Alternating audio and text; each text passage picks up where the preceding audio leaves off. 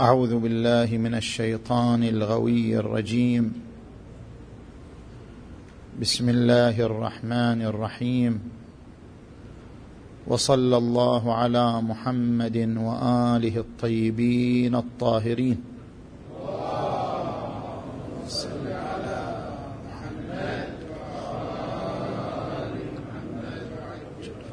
بسم الله الرحمن الرحيم. يا أيها الذين آمنوا كتب عليكم الصيام كما كتب على الذين من قبلكم لعلكم تتقون. صدق الله العلي العظيم. حديثنا انطلاقا من الآية المباركة في محاور ثلاثة. المحور الأول في مبدأ التقوى والمحور الثاني في عملية التغيير في شهر رمضان المبارك والمحور الثالث في هدفية التغيير. فلنتكلم اولا عن المحور الأول. إن الآية المباركة وهي قوله عز وجل يا أيها الذين آمنوا كتب عليكم الصيام كما كتب على الذين من قبلكم لعلكم تتقون. تفيد أن جميع الأمم فرض عليها الصيام بكيفيات مختلفة. وذلك لهدف واضح ألا وهو قوله عز وجل لعلكم تتقون. وهنا يتبادر إلى الذهن بأن لعل إنما تستخدم للترجي. كما إذا قلت أذاكر لعلي أنجح. وأذهب إلى المسجد لعلي أنال رحمة من الله. فلعل تستخدم للترجي والترجي هو احتمال حصول النتيجة لأن النتيجة لو كانت محسومة وكانت قطعية الحصول لما كان هناك حاجة لأن يترجاها الإنسان. فالترجي متقوم باحتمال الحصول. وبالتالي فكيف يتصور الترجي من الله عز وجل؟ والله بالنسبة إليه تتساوى جميع الأزمنة وتتساوى جميع الأحداث. فلا يوجد حدث محتمل أو حدث معلوم. فاحتمال الحصول لا يتصور في حقه تبارك وتعالى. اذا ما معنى الترجي المتصور في حق الباري تبارك وتعالى حتى يستخدم التعبير بلعله؟ لعلكم تتقون.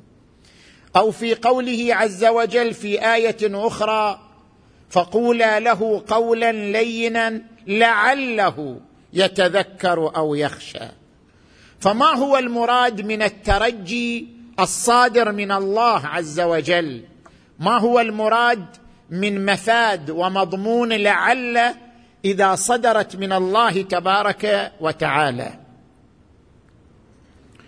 المقصود بالترجي في المخلوق الذي لا يعلم غيب الأمور هو احتمال الحصول. ولكن المقصود بالترجي بالنسبة للعليم الخبير تبارك وتعالى المزاوجة بين الغرض الإعدادي والغرض الفعلي. ما هو المقصود بالمزاوجة بين الغرض الإعدادي والغرض الفعلي؟ نأتي مثلا إلى الصلاة. نحن عندما نأتي للصلاة الصلاة لها هدف. يتحدث عنه القرآن الكريم. يقول إن الصلاة تنهى عن الفحشاء والمنكر. الهدف من الصلاة أن ينتهي الإنسان عن الفحشاء والمنكر. إن الصلاة تنهى عن الفحشاء والمنكر. النهي عن الفحشاء والمنكر له درجتان. درجة إعدادية ودرجة فعلية. والمصلي يمر بهاتين الدرجتين. إن لم يحصل على الدرجة الفعلية فإنه قد حصل على الدرجة الإعدادية. بمعنى من صلى الصلاة الحقيقية لا الصلاة الروتينية لا الصلاة الصوريه من صلى الصلاة الحقيقية وهي الصلاة المقترنة بالخشوع التي عبر عنها القرآن الكريم قد أفلح المؤمنون الذين هم في صلاتهم خاشعون. من صلى الصلاة الحقيقية كانت صلاته إعدادا له لأن ينتهي عن الفحشاء والمنكر. قد لا ينتهي عن الفحشاء والمنكر دفعة. قد لا ينتهي عن الفحشاء والمنكر بمجرد أن يفرغ من الصلاة. ولكن الصلاة الخاشعة وسيلة لإعداد النفس لأن تنصرف عن الفحشاء والمنكر. فالصلاة تسبغ على النفس حالة نورية تجعل من النفس منصرفة وآبية عن ارتكاب الفحشاء والمنكر. فهذا الانصراف النفسي وهذا النور النفسي نعبر عنه شنو؟ بالدرجة الإعدادية. نعبر عنه بالنهي الإعدادي. هذا النهي الإعدادي قد يتحول إذا أصر الإنسان على التقوى إذا أصر الإنسان على الفضيلة إذا أصر الإنسان بإراده حازمة يتحول من نهي إعدادي إلى نهي فعلي من درجة إعدادية إلى درجة فعلية. فالهدف من الصلاة هو المزاوجة بين النهي الإعدادي والنهي الفعلي. وهذه المزاوجة بين النهي الإعدادي والنهي الفعلي هي المراد بالترجي. عندما يقال شلون الله يترجى؟ كيف يترجى؟ الله يعلم الغيب. ما معنى أن يترجى؟ الترجي منه تعالى عبارة عن هذا التمازج بين هدف إعدادي وهدف فعلي. فلنأتي ونطبق هذه النكتة على الآية المباركة. عندما يقول الله تبارك وتعالى كتب عليكم الصيام كما كتب على الذين من قبلكم. لا. لعلكم تتقون. ما المراد بلعل؟ ما المراد بالترجي الصادر منه تبارك وتعالى؟ الترجي في هذه الآية هو عبارة عن المزاوجة بين التقوى الإعدادية والتقوى الفعلية. الصوم عندما يحصل من الإنسان الصوم عملية تدريب على الصبر. صوم عملية تدريب روحي على الصبر.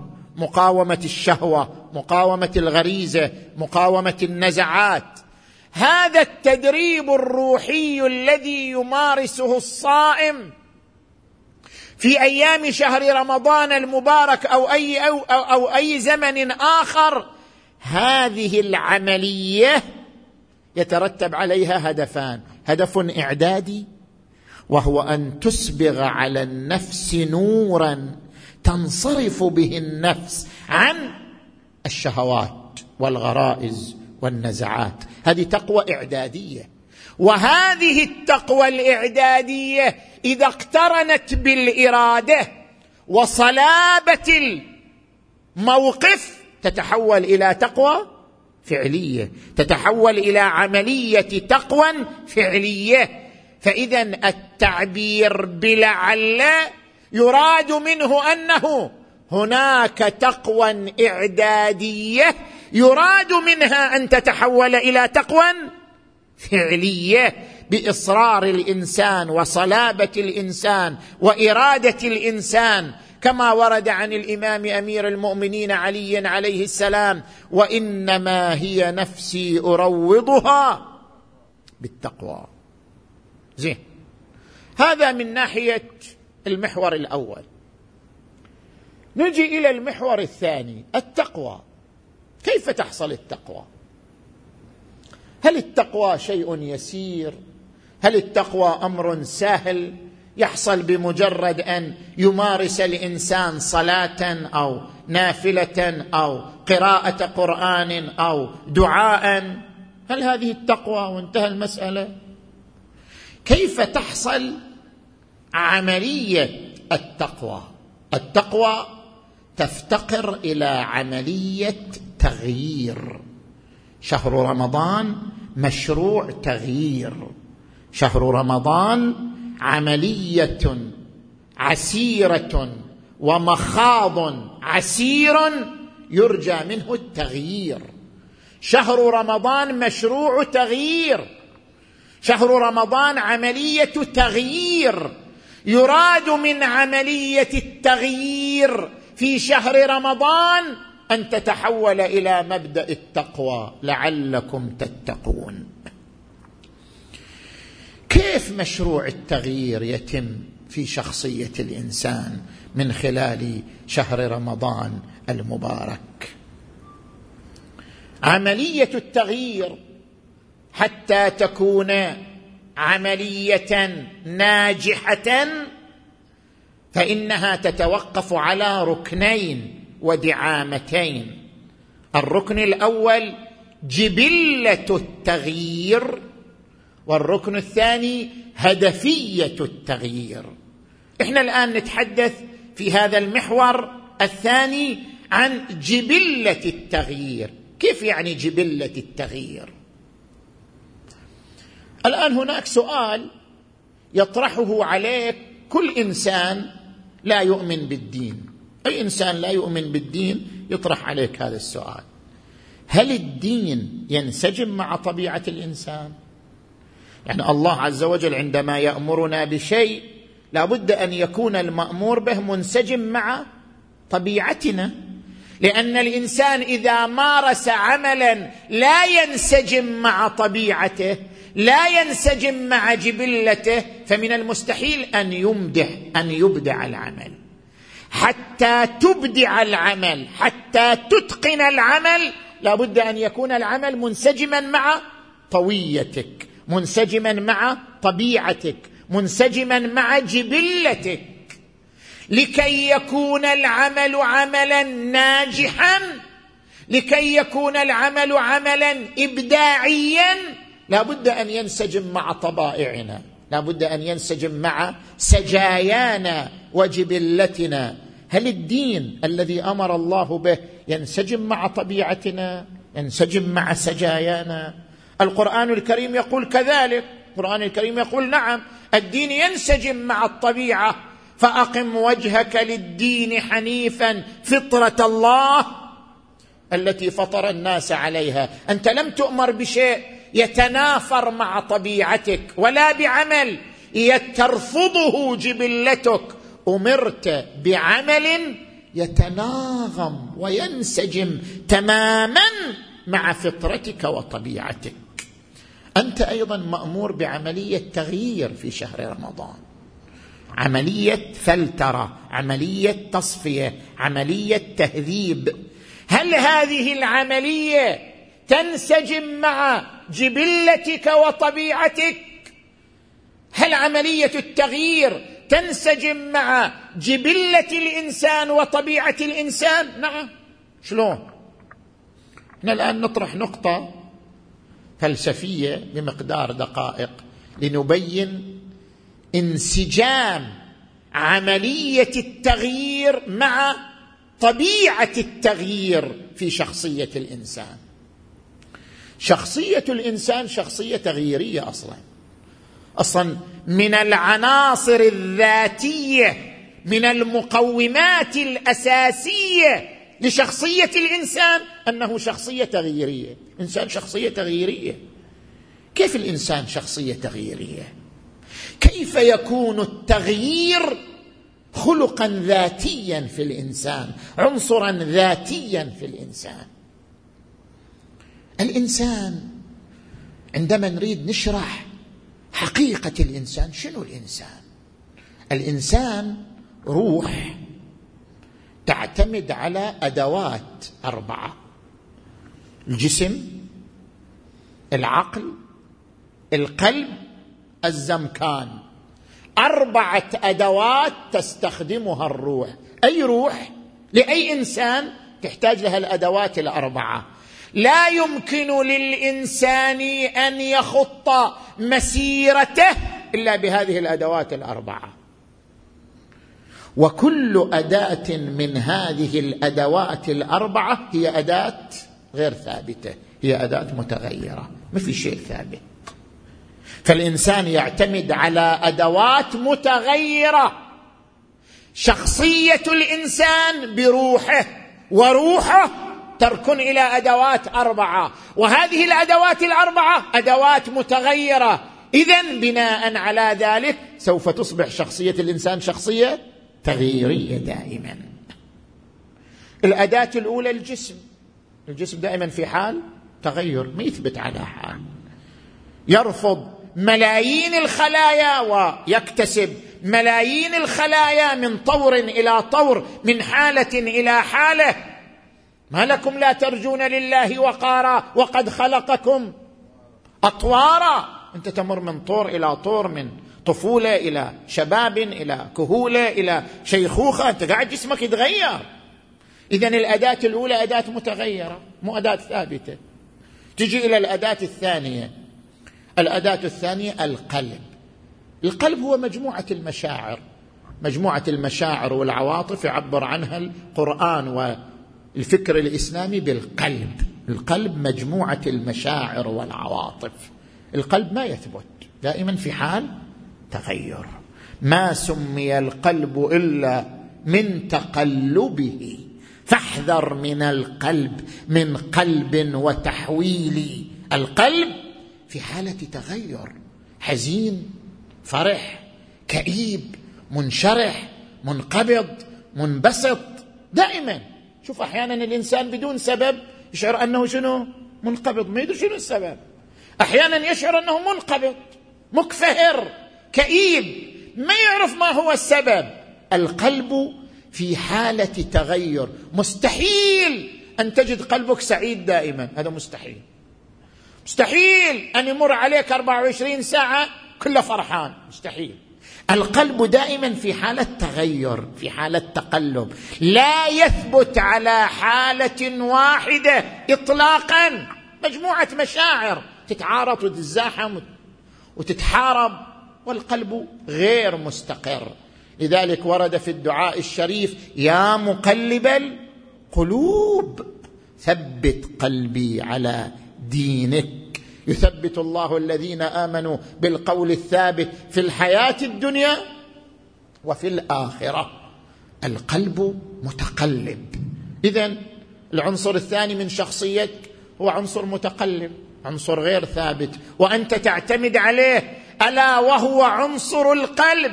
والقرآن يتحدث عن عنصر القلب. أفمن شرح الله صدره للإسلام فهو على نور من ربه؟ فويل للقاسية قلوبهم عن ذكر الله. يعني هذا قلبه قاسي هذا قلبه منشرح. ومن يرد الله فمن يرد الله أن يهديه يشرح. صدره للإسلام ومن يرد أن يضله يجعل صدره ضيقا حرجا كأنما يصعد في السماء. شوف واحد أحيانا تجي وقت الصلاة تشعر أنك مقبل على الصلاة. أحيانا تجي وقت الصلاة تشعر أنك غير مقبل على الصلاة. هذا أمر طبيعي. حتى العباد الزهاد تصيبهم فترات. ولذلك ورد عن الإمام الكاظم عليه السلام للقلوب إقبال وإدبار. فإذا أقبلت فاحملوها على الفرائض والنوافل. اغتنم الفرصة. ما دام قلبك مقبل اغتنم الفرصة. صل النافلة اقرأ الدعاء اقرأ القرآن. استغل فرصة إقبال القلب. وإذا أدبرت فاقتصروا بها على الفرائض. القلب في حال تغير. إذا هذا عنصر ثاني. العنصر الثالث العقل. العقل أداة من أدوات الروح. العقل هو عبارة عن طاقة التفكير تستغلها الروح في الوصول إلى المعلومات. والله أخرجكم من بطون أمهاتكم. لا تعلمون شيئا. وجعل لكم السمع والأبصار والأفئدة.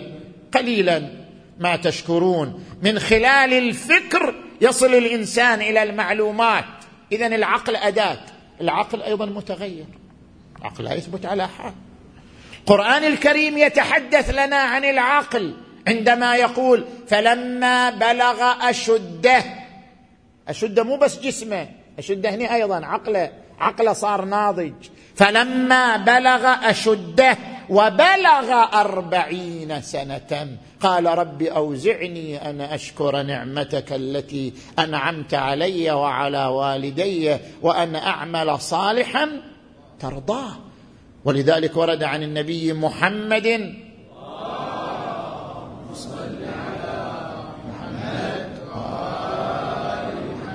الأربعون سن الحكمة. إذا وصل إلى الأربعين وصل إلى سن القرار الناضج وصل إلى سن الاستفادة من الخبرة والتجربة.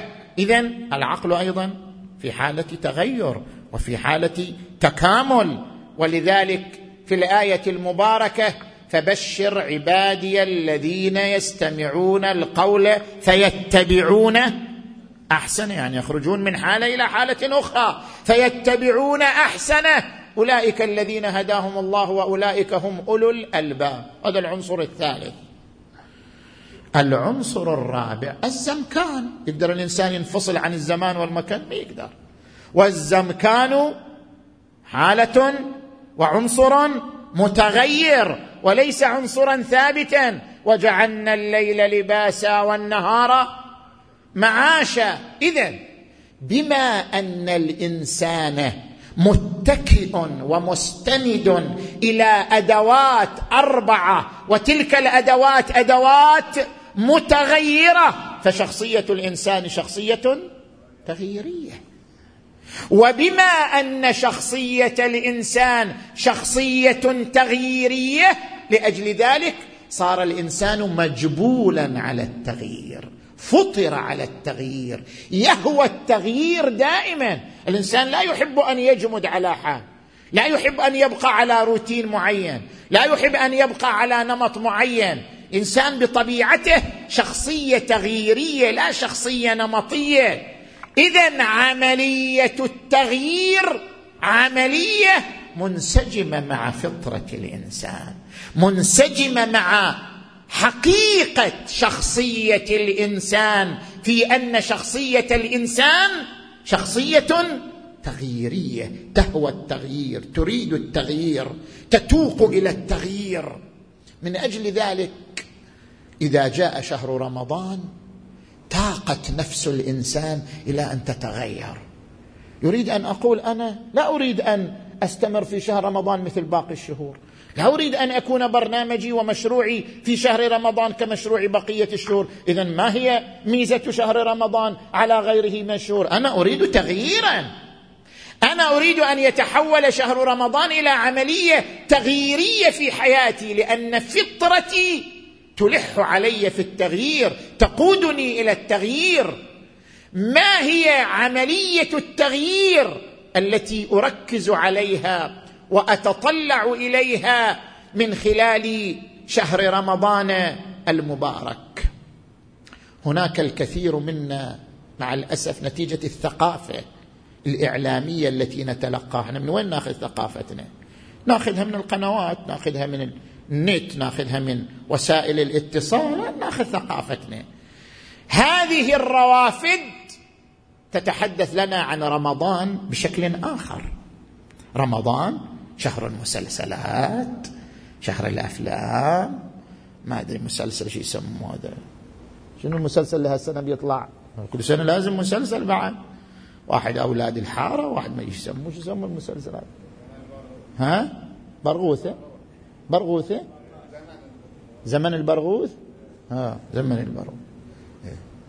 إذن شهر رمضان شهر المسلسلات. وتشوف عند بعضهم ضبط للوقت. الوقت الفلاني وقت المسلسل. آه هذا الوقت ما يفرط فيه هذا وقت نشاهد فيه المسلسل. مهما حصل من واجبات أخرى خليها على جنب هذا ما يرفع لي يد عنه. زين؟ شهر المسلسلات شهر السهر مع الأصدقاء في الأماكن العامة في الأماكن الخاصة شهر الرياضة ولعب الكرة شهر الأسواق تعرض البضائع المختلفة بأسعار مختلفة في شهر رمضان المبارك وتتحول الأسواق في ليلها إلى نهار. اذا بالنسبة للمرأة شهر السوق بالنسبة لهذا الرجل شهر المسلسل الري... شهر المسلسل شهر الرياضة شهر مثلا الونسة والسهر مع الأصدقاء. عملية التغيير التي نكتسبها من خلال وسائل الإعلام التي نسترفد منها ثقافتنا ومعلوماتنا تحدث وتصور لنا أن عملية التغيير هي عملية نفسية محضة.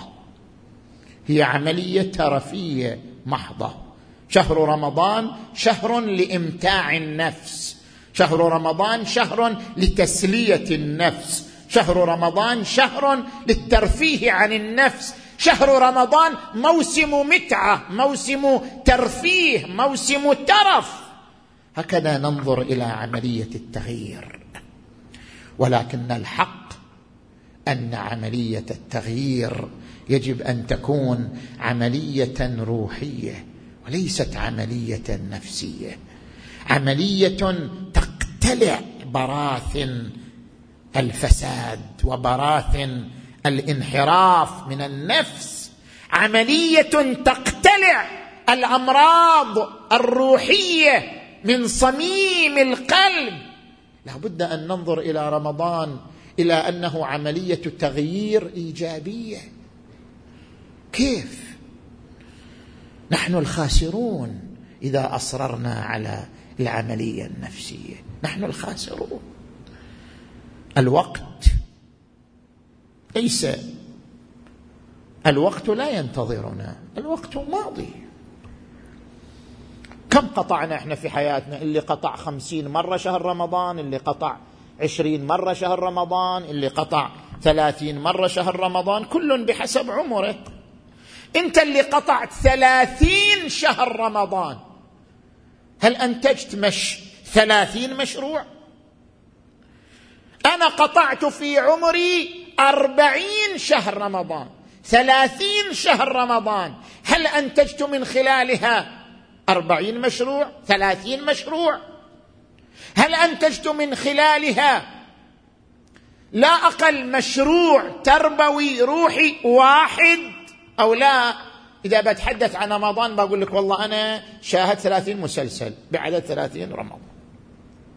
ترى أنا سافرت مثلا ثلاثين سفرة بعدد ثلاثين رمضان. هذا رمضان بالنسبة لي.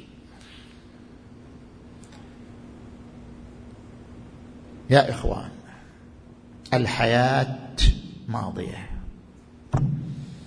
والقبر هو الذي ينتظرنا. ليجعل الإنسان دائما في ذهنه القبر. هذا بيتك. بيتي هو القبر. ليس بيتي هو الوسادة الناعمة التي أنام عليها مع زوجتي. لا هذا كله مؤقت. ليس بيتي هو هذه المقاعد الحريرية الناعمة التي أتكئ عليها. هذا كله مؤقت. بيتي هو قبري. بيتي الحقيقي قبري الذي ينتظرني. ألا إنما الإنسان ضيف بأهله. أنت ضيف.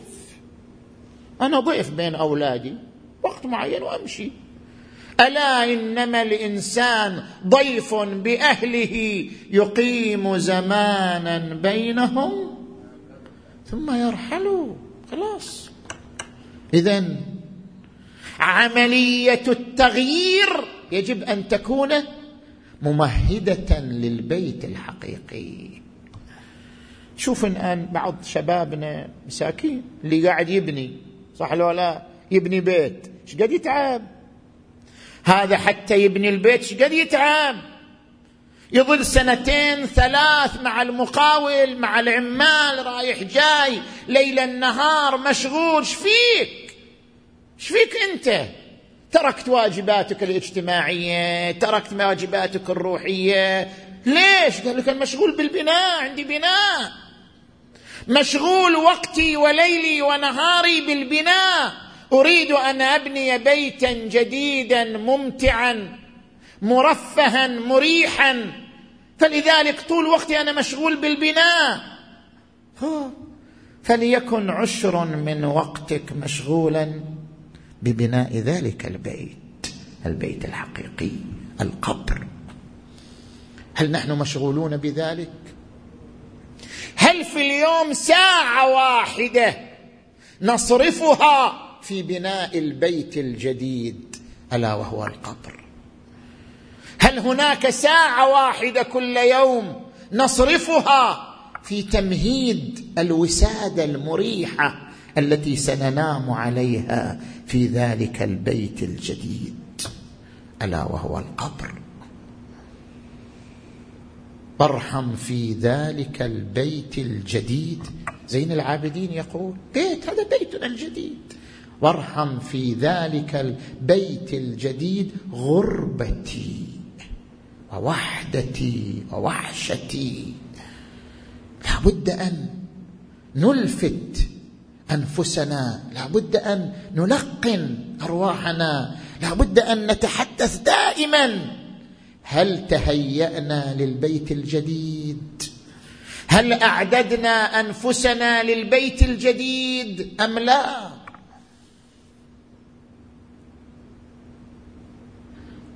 الإمام زين العابدين علي عليه السلام يحمل الطعام على ظهره فيقول له أحد أصحابه ألا وهو ابن شهاب الزهري. إلى أين سيدي؟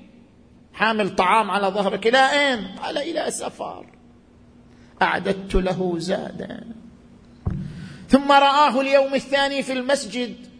قال سيدي ما سافرت؟ قال ليس السفر ما ظننت. إنه سفر الآخرة. قاعد أعد نفسي لهذا السفر. فعملية التغيير يا إخوان في شهر رمضان عملية روحية هنيئا لمن فرغ نفسه للعبادة في شهر رمضان. هنيئا لمن استغل ساعتين كل يوم في العبادة والتقوى.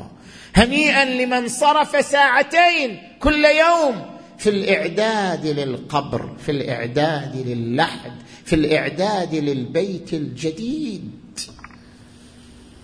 الدنيا دار ممر والآخرة دار مقر فخذوا من ممركم. لمقركم كما ورد عن الإمام علي عليه السلام فنحن نتوق لعملية التغيير الإيجابية. لا لعملية التغيير السلبية لعملية التغيير الروحية. لا لعملية التغيير الترفيه. لذلك نأتي إلى المحور الثالث من حديثنا لنتحدث عن هدفية التغيير. كلنا يريد أن يتغير في شهر رمضان. كلنا يريد أن يصبح إنسانا صالحا في شهر رمضان. ثلاثين يوم تسعة وعشرين يوم مو ساعة ولا ساعتين وقت طويل طويل. هذا الوقت كيف تقضيه؟ كل يوم أربعة وعشرين ساعة وقت طويل. شلون تقضيه في عملية التغيير؟ هنا نتحدث عن هدفية التغيير. لماذا أريد أن أتغير؟ لماذا؟ أريد أن أحصل على أهداف ثلاثة. الهدف الأول الشخصية المطمئنة. القرآن يمدح الشخصية المطمئنة. يا أيتها النفس المطمئنة ارجعي إلى ربك راضية مرضية فادخلي في عبادي وادخلي جنتي. الاطمئنان. الاطمئنان نحن كلنا مصابون بمرض القلق. أكو إنسان ما عنده قلق؟ عندنا قلق من الأمراض عندنا قلق من الحروب عندنا قلق من الكوارث عندنا قلق حتى من أهلنا. واحد عنده قلق من زوجته واحد عنده قلق من أولاده واحد عنده قلق من مستقبل أولاده واحد عنده قلق من مستقبل تجارته واحد عنده قلق وهكذا. ما في أحد ما عنده قلق. لكن ليكن قلقي من ذنبي ومعصيتي.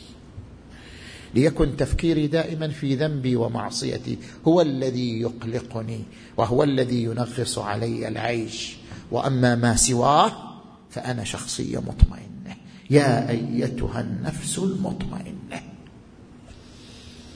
القرآن الكريم يقول والذين آمنوا وتطمئن قلوبهم بذكر الله ألا بذكر الله؟ تطمئن القلوب ويقول القرآن الكريم ومن يتق الله يجعل له مخرجا ويرزقه من حيث لا يحتسب. شنو الرزق؟ كل ناس يفكر حصل فلوس؟ لا ما يحصل فلوس. يمكن يظل فقر مدوس لأنه اتقى الله. ممكن. ليس الرزق المترتب على التقوى لا ثروة لا لقب لا منصب اجتماعي كل شيء. لا. الرزق الذي يترتب على التقوى حياة الاطمئنان. إنسان مطمئن. عيش إنسان مطمئن هادئ. هذا هو الرزق. ويرزقه من حيث لا يحتسب يعني يرزقه الاطمئنان. ولا يوجد رزق أعظم من رزق الاطمئنان. تعيش مطمئن. ألا إن أولياء الله لا خوف عليهم ولا هم. ما عندهم حزن ولا هم يحزنون اطمئنان. إذا الهدف الأول من عملية التغيير في شهر رمضان المبارك الوصول إلى الشخصية المطمئنة. هذا الهدف الأول. الهدف الثاني التوازن. والتوازن في موضعين.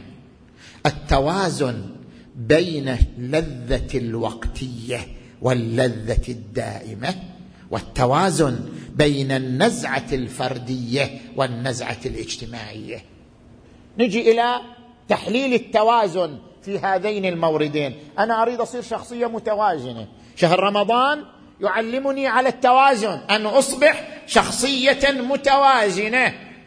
المورد الأول للتوازن التوازن بين الشهوة والعفة.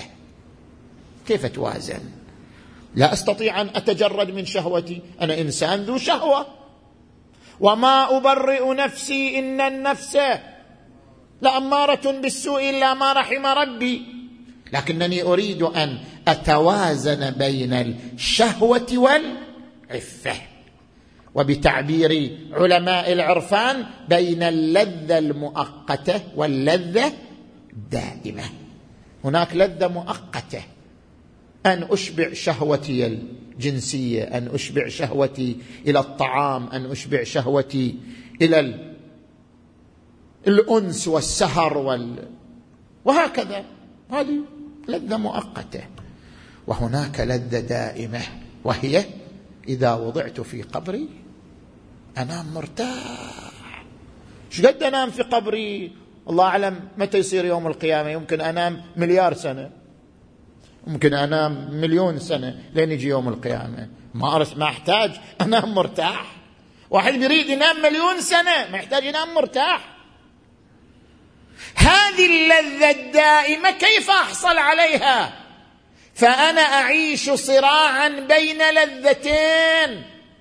لذة مؤقتة أن أشبع شهواتي ولذة دائمة أن أنام في قبري مرتاحا. لا يطالبني أحد بمال ولا يطالبني أحد بجرم ولا يطالبني ربي بذنب. نايم مرتاح. أنا أعيش صراعا بين اللذتين. وكما يقول علماء العرفان اللذة في ترك اللذة. مقاومة الغريزة والصمود أمامها فيه اللذة. اللذه في الصمود اذا رمضان ليس صبرا عن الطعام ولا عن الشراب ولا عن المفطرات التي ذكرها الفقهاء. رمضان تربية للإرادة تربية للصمود تربية للنفس على أن تتعلم أن اللذة في ترك اللذة. على تقديم اللذة الدائمة على اللذة المؤقتة. هذا هذه عملية التغيير. هذا الهدف من عملية التغيير. والمورد الثاني للتوازن التوازن بين النزعة الفردية والنزعة الاجتماعية. كل إنسان عنده نزعة فردية يريد يتملك كل ما دخل في تجارة يريد شنو؟ يريد ثروة أكثر بعد يريد يحرك أمواله يريد يحرك ثروته. منهومان لا يشبعان. طالب علم وطالب مال. يشبع. يريد. كلما حصل على ثروة أراد ما هو أكثر منها. طبيعة النزعه الفردية. لدى الإنسان نزعة الاستئثار نزعة التملك. نزعة لا تنتهي.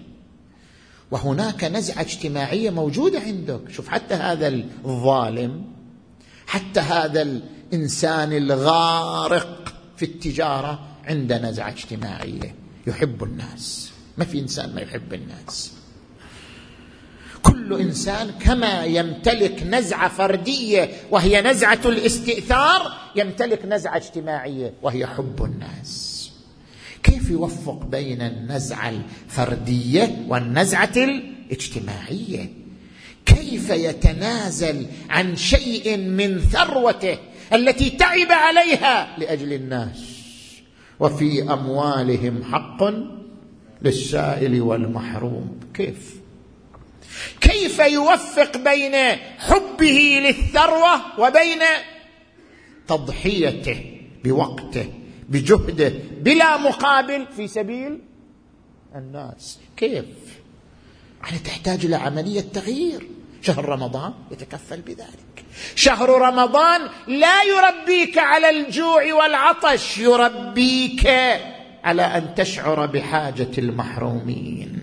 يربيك على أن تشعر بحاجة المضطهدين والمظلومين. يربيك على أن تشعر بأن هناك مجتمعا يحتاج منك إلى تضحية. تضحية بالوقت تضحية بالفكر تضحية بالمال تضحية بالما عندك. في سبيل إنعاش مجتمعك. شهر رمضان عملية تغيير لإحداث شنو؟ لإحداث توازن.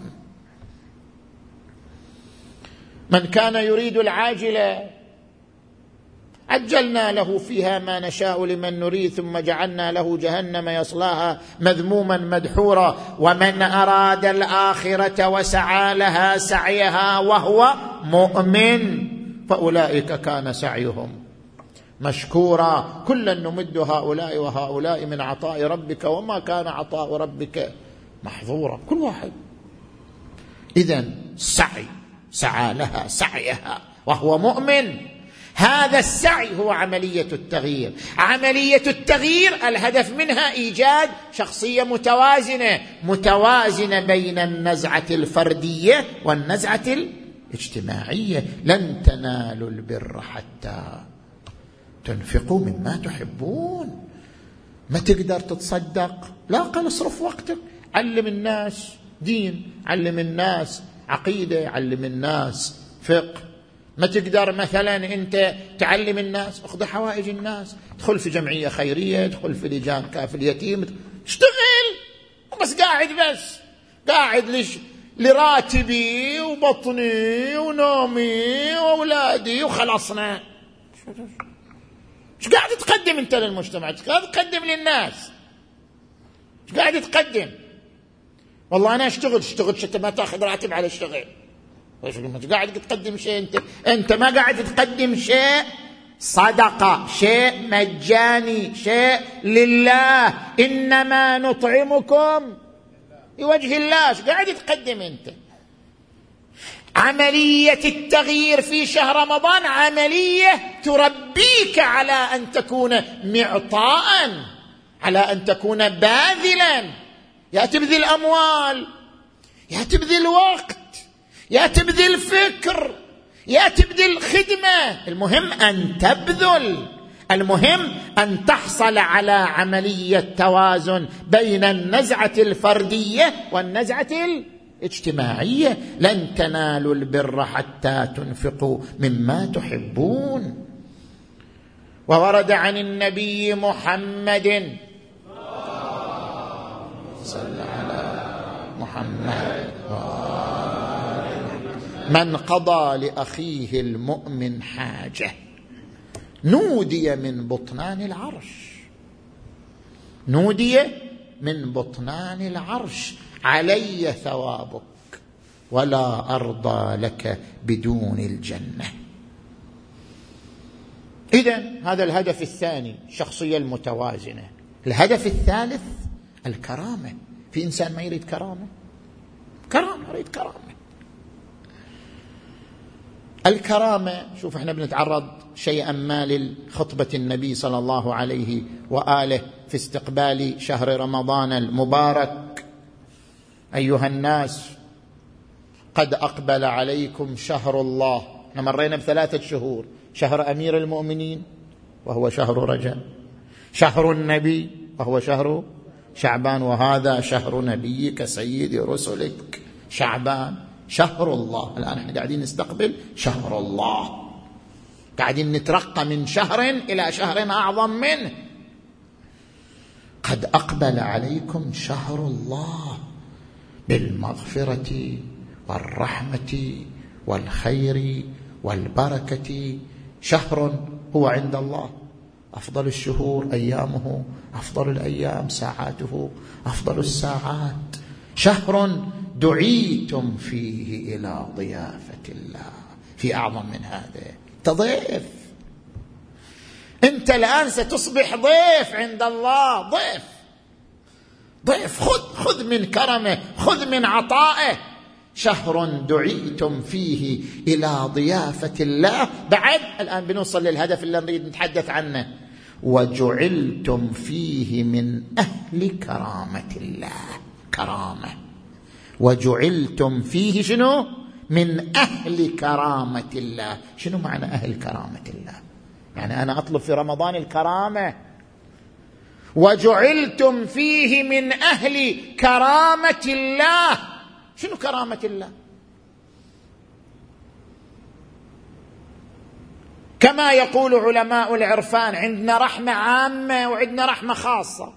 القرآن الكريم يقول بسم الله الرحمن الرحيم. الرحمن يعبر عن الرحمة العامة التي شملت الكون كله والرحيم يعبر عن الرحمة الخاصة.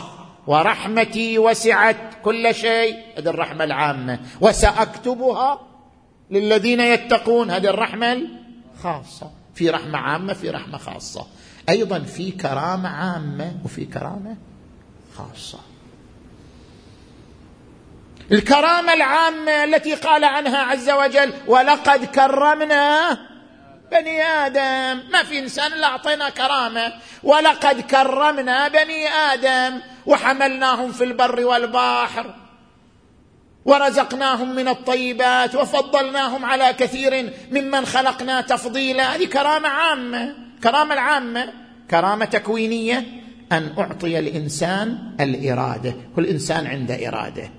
هذه كرامة تكوينية كرامة تشريعية.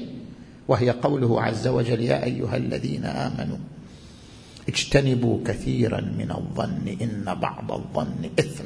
ولا تجسسوا ولا يغتب بعضكم بعضا. هذه كرامة للإنسان.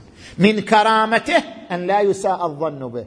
من كرامته أن لا يتجسس عليه من كرامته أن لا يغتاب. هذه يسموها كرامة تشريعية. فعندنا كرامة تكوينية وهي الإرادة.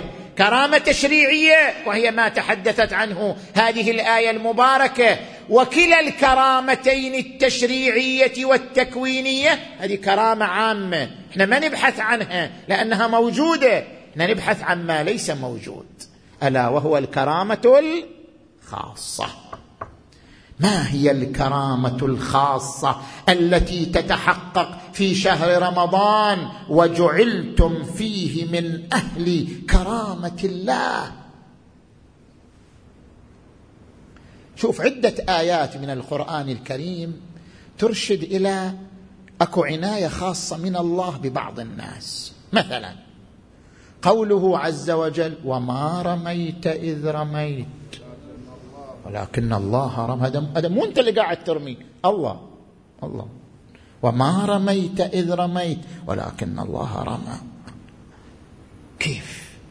كيف يسند الله العبد؟ تجي إلى آية أخرى. إن الله ألم تعلموا أن الله هو يقبل التوبة عن عباده ويأخذ الصدقات؟ كيف الله يأخذ الصدقات؟ يأخذ الصدقة الفقير؟ كيف الله يأخذ الصدقات؟ كيف نتصور أخذ الله للصدقات؟ هذا إسناد إلهي خاص اذا هناك بعض العباد بدون ملائكة بدون وسائط. الله تبارك وتعالى بشكل مباشر يعتني بهم يسبغ عليهم رحمته وحنانه ورأفته وكرامته. هؤلاء أهل كرامة الله. نحن باقي العباد تنالنا الرحمة منه بوسائط بوساطة الملائكة بوساطة الطبيعة بوساطة الكون. لكن أهل كرامة الله تنالهم رحمته وعطفه بشكل مباشر. هو يأخذ الصدقات. هو يرمي وما رميت إذ رميت ولكن الله رمى. عناية خاصة بشكل مباشر من الله تبارك وتعالى. هؤلاء هم أهل كرامة الله. ولذلك يقول القرآن الكريم وقالوا اتخذ الرحمن ولدا سبحانه بل عباد مكرمون. ذولا أهل كرامة بل عباد مكرمون. لا يسبقونه بالقول وهم بأمره يعملون. العباد المكرمون من شملتهم عناية مباشرة من الله عز وجل. أنت في شهر رمضان من أهل كرامة الله. أنت في شهر رمضان تمطرك الرحمة الإلهية والعناية الإلهية بشكل مباشر. وجعلتم فيه من أهل كرامة الله. شلون جعلتم فيه من أهل كرامة الله؟ يفصل. أنفاسكم هذه مظاهر لكرامة الله مظاهر لعناية خاصة به. أنفاسكم فيه تسبيح ونومكم فيه عبادة وعملكم فيه مقبول. نفس نفس الصائم تدري فيه رائحة أنه نفس إنسان جائع نفس إنسان عطش. هذا النفس الذي قد يتقزز منه الآخر لأنه نفس صادر عن معدة خاوية هذا النفس تسبيح. النفس المقترن بالخشوع بالخضوع بالصوم الحقيقي بالصوم المتصل بالله عز وجل هذا النفس يتحول إلى تسبيح.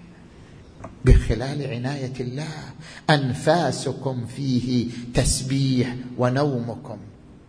طبعا النوم عن عبادة مو النوم طول النهار. والله أنا أنام من الصبح إلى الساعة أربع عبادة له بعد ما في أحسن من هالعبادة. عبادة مريحة ومستانس ومرتاح لا. المقصود ونومكم فيه عبادة يعني النوم الذي يحصل عن العبادة. ما أرست العبادة إلى أن تعبت فنمت. قرأت القرآن إلى أن نامت عيني قرأت الدعاء إلى أن نعيس صليت إلى أن تعبت فنمت. هذا النوم يتواصل. مو أنت كنت في عبادة؟ تظل العبادة شنو؟ متواصلة حتى بعد نومك. ونومكم فيه عبادة. بعد وعملكم فيه مقبول.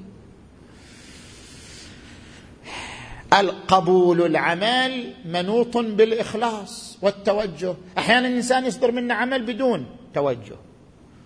أحيانا انسان يصدر منا عمل بدون توجه. والله قاعد في المسجد وقرأ دعاء. قريت وياهم. لا أدري وش الدعاء. ولا ألتفت لمعنى الدعاء. وابدا أنا كل بالي متى أطلع وأروح العمل وألقى رئيسي وأتحدث وياه. وأنا أقرأ الدعاء لكن شنو؟ ما نوي الدعاء. هذا العمل ربما في غير رمضان غير مقبول لأن ما في توجه في رمضان مقبول. وعملكم فيه مقبول وإن لم يكن عن توجه. وعملكم فيه مقبول. هذا كرم الله تبارك وتعالى. أنفاسكم فيه تسبيح. ونومكم فيه عبادة وعملكم فيه مقبول. عباد الله عباد الله إن أبواب الجنة في شهر رمضان مفتوحة. فاسالوا الله أن لا يغلقها عليكم. حاول أن لا تعصي ربك. انت ما تقدر تضبط نفسك. كم من نهار بيصير في رمضان؟ 12 ساعة 14 ساعة 15 ساعة. أنت الآن تضبط نفسك 15 ساعة ما تأكل. اضبط نفسك عن المعصية شنو الفرق؟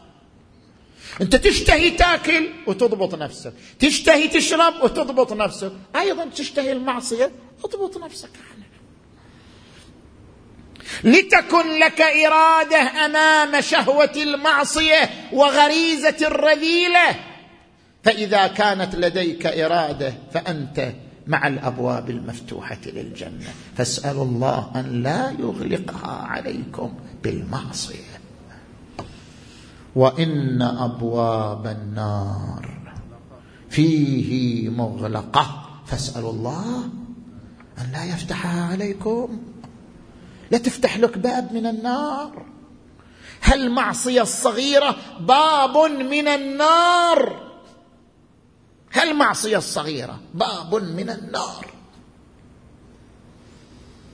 فاسالوا الله أن لا يفتحها عليكم وإن أيدي الشياطين. فيه مغلولة. فاسالوا الله أن لا يسلطها عليكم. اذا حاذر حاذر أن لا تقع في وحل المعصية. شهر رمضان يا إخوان. أعدوا أنفسكم للأعمال الأربعة. ولو ساعتين في كل يوم. قراءة القرآن. فإنه نور لقبرك ونور لآخرتك. فقد ورد في الحديث عن النبي صلى الله عليه وآله من قرأ القرآن إن درجات الجنة يوم القيامة بآيات القرآن فكلما قرأ آية رقى درجة. من قرأ خمسين آية كتب من الذاكرين. من قرأ ثلاثين آية كتب من القانتين. من قرأ عشرين آية كتب من الخاشعين من قرأ عشر آيات لم يكتب من الغافلين. اقرأ. اقرأ لك كل يوم جزء اقرأ كل يوم مقدار من الآيات. هذا نور نور. العمل الثاني يا إخوان الدعاء. وما أجمل أدعية الإمام السجاد. دعاء أبي حمزة مناجاة الخمسة عشر. اقرأ. لما تقرأ دعاء بحمزة اقرأ مناجاة الخمسة عشر. مناجاة التائبين مناجاة الخائفين مناجاة الراغبين. اقرأ هذه المناجاة بخشوع بتأمل. وإذا سألك عبادي عني فإني قريب. متى يصير قريب منا قريب منا إذا دعينا. فإني قريب أجيب دعوة الداعي إذا دعاني. يعني إذا توجه إلي بالدعاء إذا توجه قلبه إلي بالإنابة أجيب دعوة الداعي. إذا دعاني فليستجيبوا لي وليؤمنوا بي لعلهم يرشدون. قل ما يعبأ بكم ربي لولا. شلون تريد الله يعتني بك ويعبأ بك وأنت أصلا؟ معرض عن الدعاء.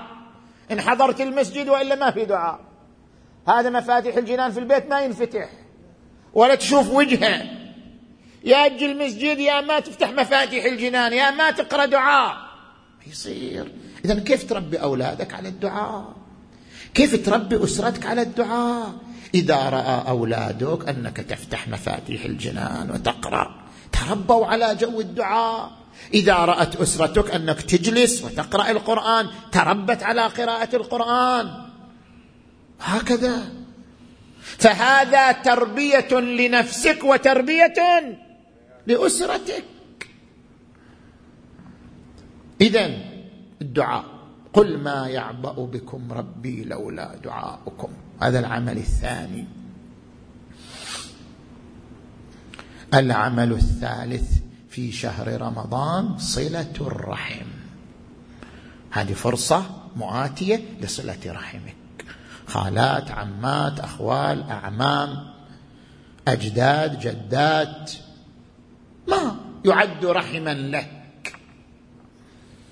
فقد ورد عن النبي محمد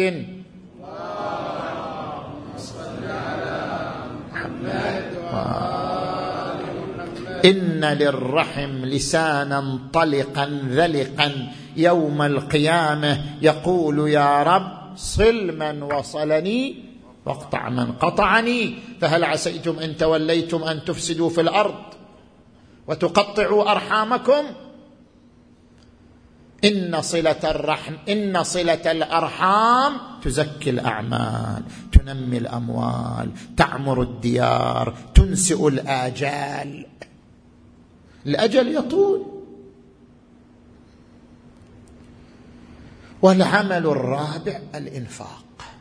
هذا أجل الأعمال أشرفها في شهر رمضان. إنفاق. إنفاق. عندك مال إنفق في شهر رمضان. مو لازم تسوي خبيصة وعصيدة وساق ومقرازي و... ها؟ لا مو هذا الإنفاق. إلا لازم هذا الإنفاق. لا إنفاق. أكو فقراء كثيرون في بلدك ومجتمعك. أوصل إليهم. بعض الأموال بعض الطعام بعض الهبات. انفاق. انفاق نوع آخر. الله ابذل. انت مدرس فيزياء. درس بعض الشباب الذي يحتاج إلى فيزياء بلا مقابل. درسهم هذا انفاق.